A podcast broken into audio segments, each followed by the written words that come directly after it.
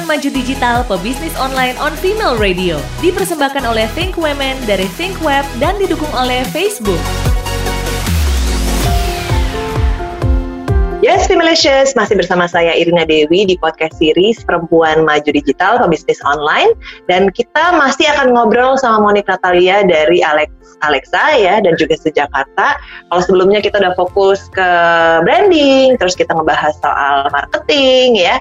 Kita akan lebih fokus lagi sekarang ngebahas soal digital marketingnya gitu kan. Hai Monik. Hai Irina, senang bisa ngobrol-ngobrol lagi kita. Iya nih. juga seneng banget dapat dapat tips banyak banget nih. Jadi pengen bikin brand nih gue. Ayo dong. Oke, okay. ini kita emang nggak bisa lepas nih ya, Monik. Kalau kita ngomong soal kan branding tadi udah, marketing udah, dan digital sekarang. Dan di masa-masa seperti ini bener dong bahwa kita tuh terbantu banget dengan digital marketing gitu kan. Apalagi dengan kondisi yang nggak ideal seperti sekarang. Nah menurut Monik gimana nih? Banget, bener banget. Jadi um, pada saat ngomongin uh, marketing tuh di obrolan kita yang sebelumnya, sebenarnya juga ada uh, secara offline tuh kita juga bisa sih ikutan kayak event gitu atau ikutan lomba atau apa yang bisa uh, brand kita lebih dikenal oleh orang lain. Tapi kan dengan pandemi ini, aku nggak kepikiran banget tuh event. Sekarang udah hampir setahun nggak ikut event gitu.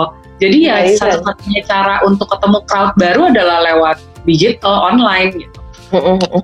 Dan kalau ngomong Alex Alexa sendiri kan punya website, mm -hmm. punya Instagram, mm -hmm. terus punya apa lagi nih secara online? yang paling besar itu itu Instagram sama website. Kita sebenarnya tadinya pengen ngembangin YouTube channel, cuma belum sih kita belum dapat selahnya sih di situ. Oh, Jadi ya. for now kita kita stick to Instagram dulu gitu. Oke. Okay. Tapi kan Instagram banyak ya yang jualan brand di Instagram nih, ya kan? Ya. Apalagi sekarang gitu, dengan orang nggak bisa ketemu gitu. Oh, offline store juga banyak yang nggak jalan. Jadi kan makin banyak saingan gitu loh. Nah, apalagi di masa-masa seperti ini nih ya, aku pengen tahu nih, kan offline lagi nggak jalan ya, Monik. Jadi kalau ngomong soal digital ini dia nih yang harus dikuatin gitu. Sedangkan di Instagram itu banyak banget brand. Gimana caranya supaya tetap top of mind nih brandnya Monik, Alex Alexa dan juga Sujakarta pastinya di Instagram. Oke, okay, kalau di Instagram sih iya memang sekarang juga untuk uh, label-label yang ada apa mereka punya account juga di Instagram tentunya banyak banget ya karena sekarang semua brand kan udah pasti mereka punya Instagram account jualan lewat Instagram oh. gitu dan mereka juga sekarang bagus-bagus gitu kualitas visualnya kontennya. Mereka udah berani invest untuk kayak photoshoot dengan proper model terus uh, dipikirin juga semua isi kontennya captionnya gitu. We have to admit that it's, it's very tough to stand out right now tapi balik lagi kita juga mesti apa ya balik lagi lihat brand DNA kita sendiri terus uh, juga koleksi yang ditampilkan. I think it helps a lot juga that you have something that you it's worth communicating gitu that it, that it's worth apa untuk diposting juga gitu. Jadi um, balik lagi ke apa ya barang apa sih yang mau lu jual juga gimana caranya bikin itu uh, menonjol dan bisa bikin uh, apa ya secara visual tuh menarik untuk banyak orang gitu. oh. pleasing for a lot of people tuh gimana nah itu seperti yang aku sempat jelasin juga mungkin ya banyak-banyak research juga sih sekarang kan di di apa ya di dalam dunia visual ini ya dalam apa apa dunia konten ini juga ada tren-trenan loh Oh gitu, gitu ya? Mm -mm, jadi kayak misalnya even filter Instagramnya ada tren-trenan. Iya benar ya. jadi iya gak sih? Dulu pas awal Instagram baru mulai kan pada pakai filter yang come straight from Instagram tuh yang warnanya jadi kayak aneh deh. Kayak foto uh, lama tapi yang uh, lebih so retro gitu ya kalau ya? Ya. so retro retro gitu ya kan. Terus sekarang udah mulai beralih nih. Udah oh. lebih yang kayak oh lebih kayak real color tapi misalnya birunya lebih kencengin kayak gitu-gitu or like tone-nya justru lebih temperature-nya lebih didinginin maksudnya there's banyak banget nih sekarang yang yang maksudnya tren-tren gaya foto, gaya visual yang bisa kita lihat juga gitu. Kita kira-kira mau pilih yang mana atau mungkin we, we have our own style yang we wanna push gitu. Iya. Jadi kalau di Instagram sendiri kayaknya hmm. Monik juga nggak selalu ngepost uh, baju ya aku lihat nih ada kayak eh, lukisannya Henry Matisse gitu sebagai inspirasi gitu. Oh iya, itu salah satu juga sih cara kita untuk edukasi eh, apa eh, konsumen kita bahwa brand kita tuh kalau bikin koleksi memang eh, sangat konsepted gitu. Kita selalu pikiran konsepnya dengan matang, inspirasinya dari mana, kenapa kita bikin baju seperti ini, seperti itu tuh karena ada apa memang ada inspirasinya gitu ada konsep awalnya yang semua berawal dari situ. Jadi we wanted to tell a story juga. Jadi kita juga pengen sebenarnya um, our followers bisa belajar sesuatu deh dengan follow kita gitu. Jadi kadang-kadang Hmm. juga kita uh, suka posting juga mengenai inspirasi kita yang uh, terus ada sedikit ceritanya gitu mengenai that object whatever it, it is yang kita post Oh, jadi bukan cuma soal produknya aja, tapi you're telling a story juga ya tentang Iya, inspirasi, background, Baik, kenapa milih pattern ini. Yes, betul. Dengan memberikan apa inspirasi, dengan memberikan story dan satu lagi karena dulu aku juga pernah kerja di media. Sebenarnya um, this is something that I've always apa ya try to do sih. Cuma ya memang agak sulit ya kalau kan aku staffnya juga nggak terlalu banyak Hmm. gitu. Uh, adalah untuk bikin konten yang nggak melulu jualan sebenarnya. Hmm, nggak hard Gitu. sell ya? Mm-mm, nggak hard sell. Jadi dulu tuh kita sempat pernah punya posting-posting yang kayak ide-ide kalau weekend getaway ke mana gitu yang deket Hmm. gitu. Jadi eh, kayak Alex Alexa weekend getaway kayak gitu-gitu. Jadi misalnya of course fotonya ada yang pakai baju Alex Alexa tapi terus kita kasih ide nih nih kalian bisa ke sini nih. Oh, Eh, gitu dulu kita ya. pernah posting tuh soal curug-curug yang sekarang lagi hits banget tuh semua orang pergi Oh, gitu ya. atau kayak Malah jadi holiday destination Iya. juga kasih tips gitu iya, ya. kita juga suka suka ada kayak gitu juga gitu. Misalnya di stories sih lebih seringnya gitu. Kita kasih tahu, oh ya kita lagi ada di sini nih. Mungkin kalau teman-teman lagi nggak ada ide weekend mau ngapain yang nggak jauh-jauh dari Jakarta gitu kan karena most of our uh, customers tuh di Jakarta sebenarnya kan Jabodetabek gitu oh bisa ke sini Hmm. di Gunung Pancar misalnya mau lihat pohon-pohon pinus atau apa gitu jadi Hmm. kan itu nggak jualan ya maksudnya itu lebih kayak kasih konten lah gitu kasih Hmm. ide Jadi bener-bener not necessarily jualan baju gitu ya. Jadi you wanna give something juga. juga, Yes, ke customer betul. morning gitu kan. Uh-uh. atau Dan kadang yang masak juga kalau lagi Masak juga. pengen gitu kayak resepi apa gitu. Jadi, Karena kan hidup Customer hidup juga orang pikir ide buat kegiatannya ya. Kegiatan yang lainnya karena em, kita juga mikir ya hidup orang tuh nggak melulu mikirin mau pakai baju apa kan gitu. Hmm. Baju adalah salah satu pelengkap gitu untuk beraktivitas ya nggak gitu. Jadi kita Benar, coba benar. juga untuk touch their life melalui uh, activity yang mungkin mereka suka gitu. Hmm, gitu ya.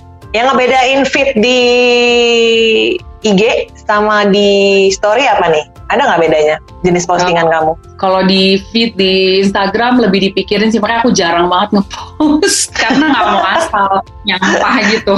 Jadi aku lebih pikirin banget sih feednya seperti apa. Jadi kadang-kadang kalau misalnya dan itu kan sekarang nih aku lagi pegang sendiri, aku lagi nggak ada anak digital, jadi sekarang aku lagi pegang sendiri, paling dibantuin lah sama beberapa tim untuk bikin kontennya, tapi aku yang pegang sendiri untuk kayak postnya. Jadi depends juga sih kadang kalau aku lagi nggak mood lagi kayak gini ya, aku juga suka nggak post aja dulu gitu.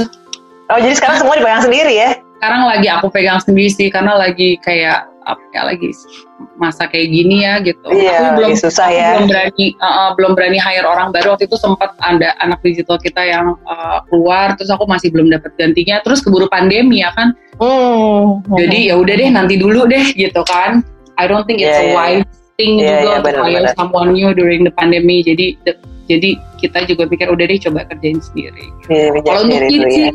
dipikirin banget sih. We try to think about how the grid is go- going to look. Gitu. Hmm. Jadi satu foto dengan sebelahnya tuh korelasinya gimana, bagus nggak dilihat secara visual gitu. Tapi kita juga belajar kalau misalnya terlalu ngeliatin grid, terus ntar isinya nggak jelek juga jadi engagementnya jadi turun gitu. Jadi menurut aku Hmm. salah satu hal yang perlu dipikirin juga per foto juga harus menarik Hmm, hmm. karena kan kadang suka juga tuh orang suka misalnya set- dia punya satu foto campaign bagus, terus Hmm. sama dia dibikin jadi grid yang pecah-pecah itu loh, tau nggak? Oh ya, yang kepotong-potong Ya, gitu loh. Jadi potong-potong satu foto gede, tapi keluarnya di feed kayak beda-beda post gitu kan. Tapi Aha. pada saat lihat gridnya baru full fotonya. Mungkin secara grid pada saat orang browsing account kamu pertama kali, uh, mungkin menarik ya lihat uh, foto itu dalam uh, versi grid gitu kan. Tapi Mhm. pada saat dilihat engagement satuan itu biasanya nggak bagus dari pengalaman Oh kita iya sih. iya. Karena kan orang bingung ya ini gambar apa sih gitu kan? Engagement per foto Iya. Iya nggak jelas kayak cuma ujung Nggak baju lah, cuma kaki, Mm-mm. cuma apa gitu. Jadi engagementnya tuh jelek dan I think it affects the whole traffic to your social media account juga. Jadi I don't I don't do that anymore sih. Oh, tapi pernah dulu ya, tapi belajar dari pengalaman yang ternyata it doesn't work and you don't do that again gitu ya. Iya, kecuali misalnya kita punya visual yang kuat banget yang setiap elemen dari si grid itu bagus juga gitu. It has a content yang worthy untuk ditampilin on its own. Jadi emang harus pilih-pilih lah ya, kira-kira yang pas gimana nih ya. Kira-kira yang pas Jangan gimana. sampai ngerusak traffic juga. Iya, gitu betul, kan. betul. Traffic is everything sekarang. Bener, Ya. bener. Hmm. Nah, kalau ngomong soal lagi pandemi sekarang, kan memang offline store lagi nggak jalan. Hmm. Online lah yang jalan gitu ya. Dan tadi sempat disebut di episode sebelumnya kayaknya ya. Jadi Hmm. uh, Monik bilang bahwa sekarang ini penjualan banyak banget dari website Alexa Alexa sendiri gitu ya. Yes. What is the most important thing about a website if you wanna tell your brand Fotonya harus bagus sih nomor satu. Gitu ya? Nomor satu fotonya harus bagus. Ya karena kan cara kita jualan ibaratnya window display kita itu kan. Jadi kalau misalnya fotonya nggak jelas barangnya, terus kayak bikin orang ilfil ya orang males ngeliatnya.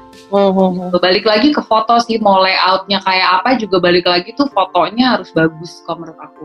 Hmm, Karena sebenarnya- masalah UI Ya. itu belakangan ya, Iya, heeh. ya penting juga sih. Penting Cuma- juga Nah, tapi tetap tetap sih foto nomor satu ya. Ibaratnya tuh foto tuh kayak produk kita kan, versi virtualnya produk kita kan si foto atau Hmm. video or whatever it is yang kita masukin di situ. Nah itu Hmm. pertama harus bagus dulu, baru Detail nanti apa sih foto di websitenya Alexa Alexa gitu kan?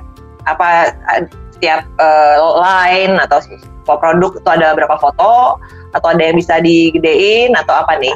Oke, biasanya sih kita kalau foto kita ada depan, eh, samping dan belakang ya biasa, dan kita Hmm. juga ada foto detail sih. Hmm, Dan kita jadi bisa mencoba- di zoom in ya? Mm-mm, mm-mm. Dan kita juga mencoba fotonya eh, lightingnya kalau bisa netral lah ya, jadi nggak mempengaruhi warna baju. Oh gitu ya. Jadi itu jangan juga ngaruh ya. aneh. Bener Gitu. bener bener bener bener. Hmm, jadi maksudnya orang ngeliat itu warnanya ya seperti itu gitu. Real color ya, bukan Real efek lighting color. ya. Iya, heeh. Jadi Mengurangi kekecewaan. Loh, kok beda Iya. gitu? itu heeh, Iya iya iya itu harus dipikirin juga itu sih. sangat Ya. penting sih menurut aku. Iya iya iya. Setuju setuju. Nah, Karena tadi kan udah ngebahas mungkin- nih. Mm-mm. Yes. Eh, kalau Instagram kan orang masih suka pakai filter nih biar feednya bagus atau gimana. Nah aku tuh selalu saranin misalnya ngelihat di Instagram foto kita kayak apa, tapi tetap cek website untuk warna baju aslinya. Kadang orang suka kayak, oh di Instagram kemarin warnanya peach gini, kok di website pink. Aku bilang iya kan kalau orang kita nge-repost foto orang kan, ya Hmm. nggak sih? Ya kalau udah ada filter, there's nothing we can do. Hmm, Iya. bener ya. Apalagi kalau sistemnya kita nge-repost orang ya. Post. Atau mungkin kadang-kadang juga kalau kita foto sendiri, tapi kan untuk Instagram tuh lebih untuk estetik ya kadang-kadang. Heeh. bukan untuk hard sell juga. Jadi sometimes you wanna capture the mood gitu. Heeh. Jadi misalnya kita mau foto sesuatu suasananya kayak golden sunlight waktu sore-sore kan pasti warna baju berubah ya kena cahaya matahari yang agak pink-pink orange gitu kan Heeh. gitu. Jadi it's uh, apa namanya it's a mood that you that we wanna capture gitu. Uh, Tapi of Mm-mm. course kita selalu saranin untuk lihat di website. Kita selalu kasih lihat website-nya. gitu, untuk cek ini loh warna aslinya tuh seperti ini. Gitu. Hmm, bener juga ya, jadi lebih jelas gitu kan. Apalagi sekarang orang nggak bisa ngeliat langsung, nggak bisa pegang langsung gitu ya. Mm-mm. Jadi pengennya lebih jelas lah menampilkan produknya di website. Iya, dan Eh, jangan ramean juga fotonya. Iya bener ya. Latarnya Iya. biasanya putih gitu. Aku biasanya polos-polos aja sih. Walaupun Hmm. kemarin kita beberapa kali karena kita kan nggak bisa photoshoot ya waktu lagi pandemi kita sempat foto sendiri ya udahlah ya apa adanya. Aku belum Oh, iya berani bener. photoshoot. Virtual photoshoot gimana tuh kan udah banyak tuh. Di mana-mana tuh virtual photoshoot pada bikin. Biasanya orang virtual photoshoot kan lebih sebatas cuma buat portrait aja kan, sedada. Paling kayak kalau seluruh tubuh susah deh. Susah ya kayaknya ya. Uh, uh, agak sulit nggak tahu aku belum sesuatu sama nggak jelas gitu lebih untuk mood kayak gitu-gitu kan. Iya bener-bener bener tantangannya malah lebih gila Gitu. sih kalau bikin virtual photoshoot nowadays ya. Jadi se- sekarang gimana nih modelnya siapa? Kalau lagi mau bikin photoshoot ada uh, lain baru sendiri gitu? dan tim-tim aja sih gitu. Oh, Nah kemarin sempat kita juga karena kan ya lagi pandemi kita nggak bisa photoshoot, mau Oh. hire model juga kita nggak tahu, we don't interact with them kan orang-orang kalau teman-teman sekantor kan kita ketemu lah ya gitu. Walaupun kita juga selalu pakai masker sih, kita nggak pernah lepas maskernya. Hmm. Dan itu salah satu Hmm. kelebihannya photoshoot di masa pandemi nggak usah mikirin make up, yes. ya bener. Irit, Ya nggak. irit Jadi makeup. cuma pasang alis saja, sama eyeliner kelar. Yang penting fokus harus di mata ya. Matanya harus cakep ya. Iya, gitu. Tapi kemarin kita juga sempat fot- ada photoshoot juga sih, tapi kita jadinya pakai jasa fotografernya, kita kirim bajunya aja dia mereka yang atur fotonya. Oh gitu, bisa gitu juga sih alternatif ya. Kirim Beberapa bajunya mereka yang atur. mulai ya mulai punya jasa itu sekarang kan. Jadi kita tinggal Benar-benar. kirim barangnya, mereka yang atur photoshootnya. Jadi we don't have to physically be there gitu. Walaupun Hmm. of course beda ya kalau kita ada di sana sendiri ngarahin kan pasti beda feel-nya gitu. Cuma ya lagi kayak gini, Hmm, serem juga ya. just have to make do lah. Iya. Iya bener-bener bener. Make the best of everything ya. Iya betul. Nah, tadi kita udah bahas soal Instagram, website gitu dan bedanya gitu ya postingan seperti apa yang uh, mau dikasih ke Instagram dan postingan seperti apa yang ditampilin di website. Mhm. Kalau ngomong strategi digital marketing, kan sekarang kan Monik sendirian nih, gitu kan? Mhm. Dan Mhm. meskipun sekarang sendirian, gitu kan? Dan kan kita udah bilang tadi bahwa the world is switching gitu to digital, everything goes through digital right now gitu karena orang nggak bisa ketemu. Apa a- ada nggak nih eh, strategi digital yang plan lah istilahnya yang lagi dijalanin sama Alexa Alexa untuk I don't know a year from now atau selama pandemi gitu? Untuk sekarang kita nggak planning terlalu panjang ya karena kan perubahan tuh cepet banget. Jadi we try to plan lebih kayak weekly content sih. Kira-kira minggu ini kita mau post apa sih kontennya seperti apa, terus kita boostnya gimana kayak gitu. Lebih Oh, lebih gitu. more on a weekly atau bi-weekly basis sih. Iya sih. Gitu. Soalnya sekarang mau bikin plan tuh gimana ya? Berubah-berubah terus juga kondisinya kan? Iya sebentar betul. normal, sebentar PSBB tahap 2. Kita mau bikin Iya, plan juga ya kayak, mau mana nih? Iya, belum kan maksudnya Toto pemerintah juga apa punya regulasi macam-macam soal masker kan sementara kita juga jualan masker juga gitu kan. Oh iya, itu kan yang Iya, terakhir kan lagi ada aturan baru harusnya SNI itu. Ya aku Itu juga baru lihat tuh. Terus ya harus research lagi lah nih gimana caranya supaya bisa recertify sama SNI ya kan? Oh, oh, oh, oh. Aneh-aneh aja ya sebenarnya ya. Terus juga Iya. kan aturan katanya scuba nggak efektif kayak gitu-gitu ya. Jadi orang susah bikin Iya. plan sekarang ini ya. Iya susah, maksudnya gimana? Like how are you going to plan production kalau misalnya udah ada, misalnya bikin scuba gitu udah berapa ribu piece, terus mau diapain? Iya ya. Ya Mungkin kan? tambahin Jadi lagi lapisannya gitu. Iya, mesti mikir lagi tuh gimana, apa tambahin Iya, lapisan atau gimana gitu kan? Iya iya iya ya PR lagi sebenarnya ya. Semoga Iya. kita melewati lah masa-masa kelabilan ini ya berubah-berubah terus pusing. Aku sih Iya. kebayang waktu baca berita ini pengusaha masker gimana nih urusannya gitu kan berubah-berubah Iya. terus gini kan. Lah ada tiba-tiba ada SNI, sementara kita banyak banget kan labeling independen yang kecil-kecil kayak mau dapet sertifikasi SNI gimana? Pasti harus bayar sana sini deh. Aduh. Aduh Gitu. pusing. Gitu. Tapi semoga lah bisa ya bisa dapat sertifikasi dan semoga dimudahkan lah gitu. Masa Iya. sih udah hari gini disusahin juga. ya Aduh. atau ya harusnya kita diajarin juga dong mereka ajarin gimana caranya kita bisa bikin masker yang uh, grade-nya medical grade gitu ajarin lah kan kita bukan Ah. orang medis Bener-bener bener. harus harus ada tuh bener ya. iya harus yang ada belum sih. kita bahas nih. Aku ma- maaf mundur lagi nih ya soal Instagram ad iya pakai nggak? pakai dong Pakai dong Itu ya. Penting Eh, sih berapa- Ber- seberapa sering pakai Instagram ad? Uh, sebenarnya harusnya hmm, I think most of our posts itu kita boost Mhm. sih Hmm. gitu. Biasanya kalau yang menurut aku oh ini cukup signifikan nih untuk postnya untuk di boost dengan Instagram Ads kita boost. Hmm, gitu ya. Biasanya Jadi kayak one, one aja. in, in three post deh kita boost satu dari Oh, tiga gitu. lah. Satu Hmm. dari tiga post ya. Dan harga menyenangkannya Instagram ad sendiri kan juga harganya nggak terlalu mahal ya. Enggak, kita bisa atur Jadi budget sendiri wise kan. tuh. menurut budget. Benar-benar benar dan targeted pula ya. Targeted yes. Dan itu juga kalau kita masih belajar di caranya menentukan target audience yang benar kita juga masih belajar sih Oh oke, mudah-mudahan ini ya cepet dapet yang jelas nih iya celahnya ya celahnya. Nah kalau influencer gimana nih? Kerjasama seperti apa? Apakah Monik pernah collab atau cuman yang eh di lo pakai ya nanti gue bayar gitu? Sistemnya gimana selama ini?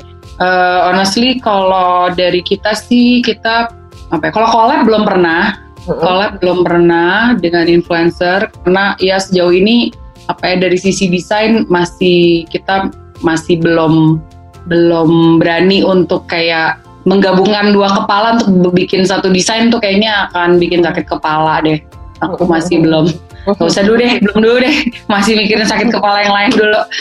gitu. Jadi, dan maksudnya kebanyakan orang juga melakukan itu kan sebenarnya untuk uh, crowd bait ya, untuk memancing crowdnya dia untuk beli. Sementara aku tuh ngedesain masih kayak it's something that is very pleasure pleasurable for me gitu. Sesuatu yang aku enjoy doing gitu. Jadi pada saat aku serahin ke orang lain, kayaknya it defeats the purpose why I started this. Kalau buat Oh, cari bener, duit bener, tuh aku bener. ngantor aja. Iya iya, it takes the pleasure out of out of it sebenarnya ya. Karena lo enjoy Iya. proses bikinnya sebenarnya ya. Iya. Kenapa juga orang yang ngerjain lah aja gitu. Oh iya makanya. Terus bayar lagi abis itu. Iya aku sebenarnya suka diomelin juga sih sama suamiku yang ngurusin bisnisnya. Kamu tuh harus bisa deh lepas. Maksudnya kayak kadang-kadang kasih lah ke orang lain gitu. Nggak kepegang kan gitu. Cuma ya I don't know. Tapi selama masih enjoy sih nggak apa-apa kan. Karena kan Iya.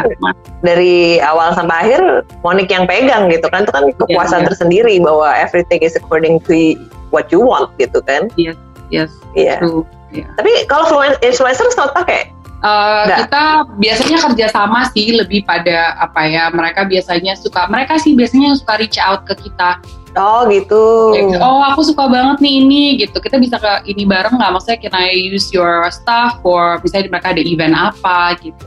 Mhm, dan- mhm.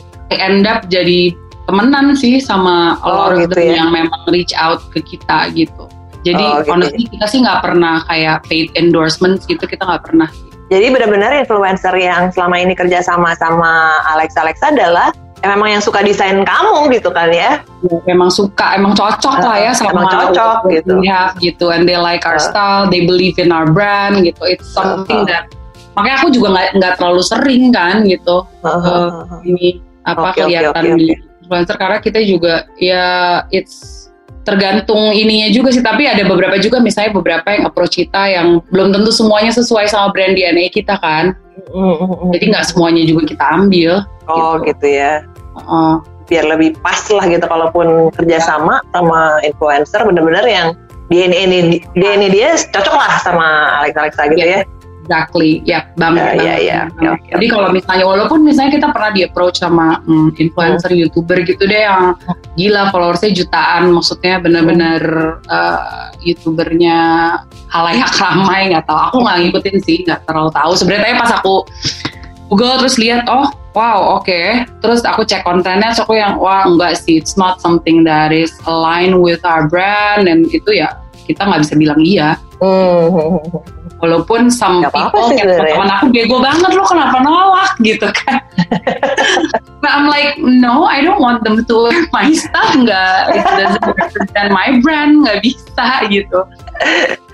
Dan itu penting juga sih kan. Ya kan influencer ini yang istilahnya mewakili brand kita. Kalau dia nggak cocok, nggak struck ya ngapain? Sebenarnya kan kitanya juga Ngapain? ngeliatnya males kan. iya Terasosiasi sama yang kita nggak struck gitu. iya betul banget gitu nanti kan maksudnya our, our customer base yang udah percaya sama our taste and what we stand for ngelihat itu terus yang kayak ilfeel nanti Mm-mm, bener-bener. kita lose a lot of our apa original customer base males juga kan maksudnya it's Iya, a iya, risk bener. gitu Ya, ya, ya, ya. Tapi itu memang ini sih pilihan gitu ya. Mm-mm. Maksudnya, Menurut Kan memang kalau milih-milih gitu penting untuk bisa punya uh, frame of reference kali ya kira-kira kita tuh kalau misalnya if you were if you if you were a brand owner and you choose to work with influencers or uh, artis atau apalah orang yang basically orang yang punya crowd lebih besar daripada kamu penting banget untuk kita pikirin kita maunya orang yang seperti apa sih yang membawakan produk kita gitu benar-benar harus dipikirin ya. Jangan sembarangan Iya. lah istilahnya ya, mentang-mentang follower Iya. banyak, tapi beda banget sama brand kita, what for gitu ya. Iya. Oke oke. Nah tadi udah bahas soal konten, soal influencer, soal website, soal uh, it- apa Instagram juga gitu ya. Tapi sempat disebutin juga bahwa memang sekarang susah banget kita bikin strategi digital ya. Dalam arti buat ke depan karena berubah-berubah terus. Secara produk Iya. juga kan tadi masker sempat disebut ya. Iya. Udah bikin masker tapi ternyata ada aturan baru dari pemerintah. Mm. Di masa yang berubah-berubah terus gini nih, what to Mhm. do nih? Secara Kita digital ya. harus, harus bisa adaptasi sih harus bisa bisa dan bisa cepat beradaptasi gitu jadi um, you just have to be able to adapt to all the changes seperti yang tadi bilang harus ya semuanya harus lebih fluid lebih fleksibel nggak bisa kaku Hmm, masa dan harus belajar terus kayaknya ya. iya emang nggak ada never ending. Dan harus bisa problem solving skillnya harus ditingkatin lagi karena problem ada terus. Iya benar benar benar benar. iya. Karena sekarang problemnya gede banget lagi ya. iya benar. Ya kayak ini kan tiba-tiba ya misalnya scuba eh, nggak boleh gitu. Misalnya kita bikin yang koleksi yang scuba ya terus gimana? Kita harus mikirin problem solvingnya kan. Maksudnya masa mau dibuang gimana caranya kita bisa iniin apa namanya mengatasi itu gitu Iya. Dan kalau ngomong aset-aset digital itu benar-benar harus dioptimalin sekarang ya. yes yes betul Mhm, Wah, mhm. Karena emang- digital. There's no other choice sekarang. Mm-mm. dan Iya, bagaimana iya, pikir terus gimana caranya bikin aset digital yang bagus Hmm, yang bikin hmm, hmm. stand out Iya iya iya iya. Konten itu nomor satu ya, visual terutama ya. Emang kalau ngomong soal desain ya. Oke oke. Ada yang lagi mau ditambahin nih, Monik? Soal Oh. digital yang selama ini tadi kita belum sempat bahas? apa ya em, kan sekarang juga untuk kayak di Instagram gitu ada feature live kayak gitu-gitu tuh Hmm. mungkin bisa dieksplor juga ya terus sekarang video juga it's it's becoming a visual element yang lumayan penting gitu jadi banyak banget apalagi generasi yang di bawah nih yang masih muda-muda banget mereka lebih suka lihat vi- video dibanding Bener foto ya. gitu Mhm. kalau menurut yang aku research ya gitu. Bener, bener, jadi kita juga harus mikirin nih nggak cukup kita punya skill foto segitu kita juga harus mikirin hmm, gimana caranya foto itu atau si baju ini kalau bikin versi videonya moving image-nya tuh gimana biar bagus gitu. Iya benar ya. TikToknya gimana nih gitu? Iya TikToknya gimana? Iya benar sekarang anak gua kok lagi suruh bikin TikTok mulu nih. Soalnya benar juga sih kan kalau dari video itu kan kelihatan tuh flow bahan kan. Tentang Iya. sekarang kita bisa lihat tuh, itu berguna juga nih untuk customer yang memang sekarang ini lagi nggak bisa ngeliat barangnya secara langsung. Ya nggak Iya sih? banget Iya banget. makanya Something yang Jadi- yang- harus nih bikin video nih Malaysia ya yang baru mulai brand nih ya. Jadi Iya, jangan sama foto aja, tapi kasih alternatif juga buat customer ngelihat gambarnya secara bergerak. Apalagi sekarang target makin muda ya, lebih suka lihat video, makanya TikTok naik banget ya. Yes, banget. Kita juga harus Oke. ikut juga gitu, harus bisa uh, mengikuti tren itu, tren yang di, di di dunia konten itu. Terus kita juga kalau bisa ya one step ahead lagi, lihat lihat lagi gitu. Apalagi sih habis TikTok gitu. Iya, kalau bisa benar. sih duluan mulainya gitu Iya kan. ya. Abis TikTok apa nih? Kayaknya Instagram lagi bikin reel apa kalau nggak salah. Iya, belum- pasti akan ada lagi. Macam-macam ya. tuh. Ada Oh, lagi ya. Siapa tahu nextnya ini nih Zoom Orang Virtual Fashion Show. kan. Orang bikin Ya? filter sendiri sekarang. Oh Yes. iya benar. Itu Iya, lagi ini banget nih. sendiri. Jadi brand-brand uh, mulai oh ya bikin filter sendiri gimana gitu kan. Nah itu kita belum Hmm. coba tuh. Hmm. Tapi on our radar juga gitu. Kita belum sempet ngulik sih gimana. Cuma Hmm. it's something that people are um, starting to be interested in kan kayak mainan filter gitu kan di rumah nggak ada kerjaan. Iya bener ya. Ngapain lagi ya selain main filter ya? Iya. Aku tunggu nih filter dari Alex Alexa nih. Wow, Cepatnya iya, ya. kita lagi lagi coba develop sih. Gitu, Aku tunggu nih. ya. Aku mau pakai soalnya.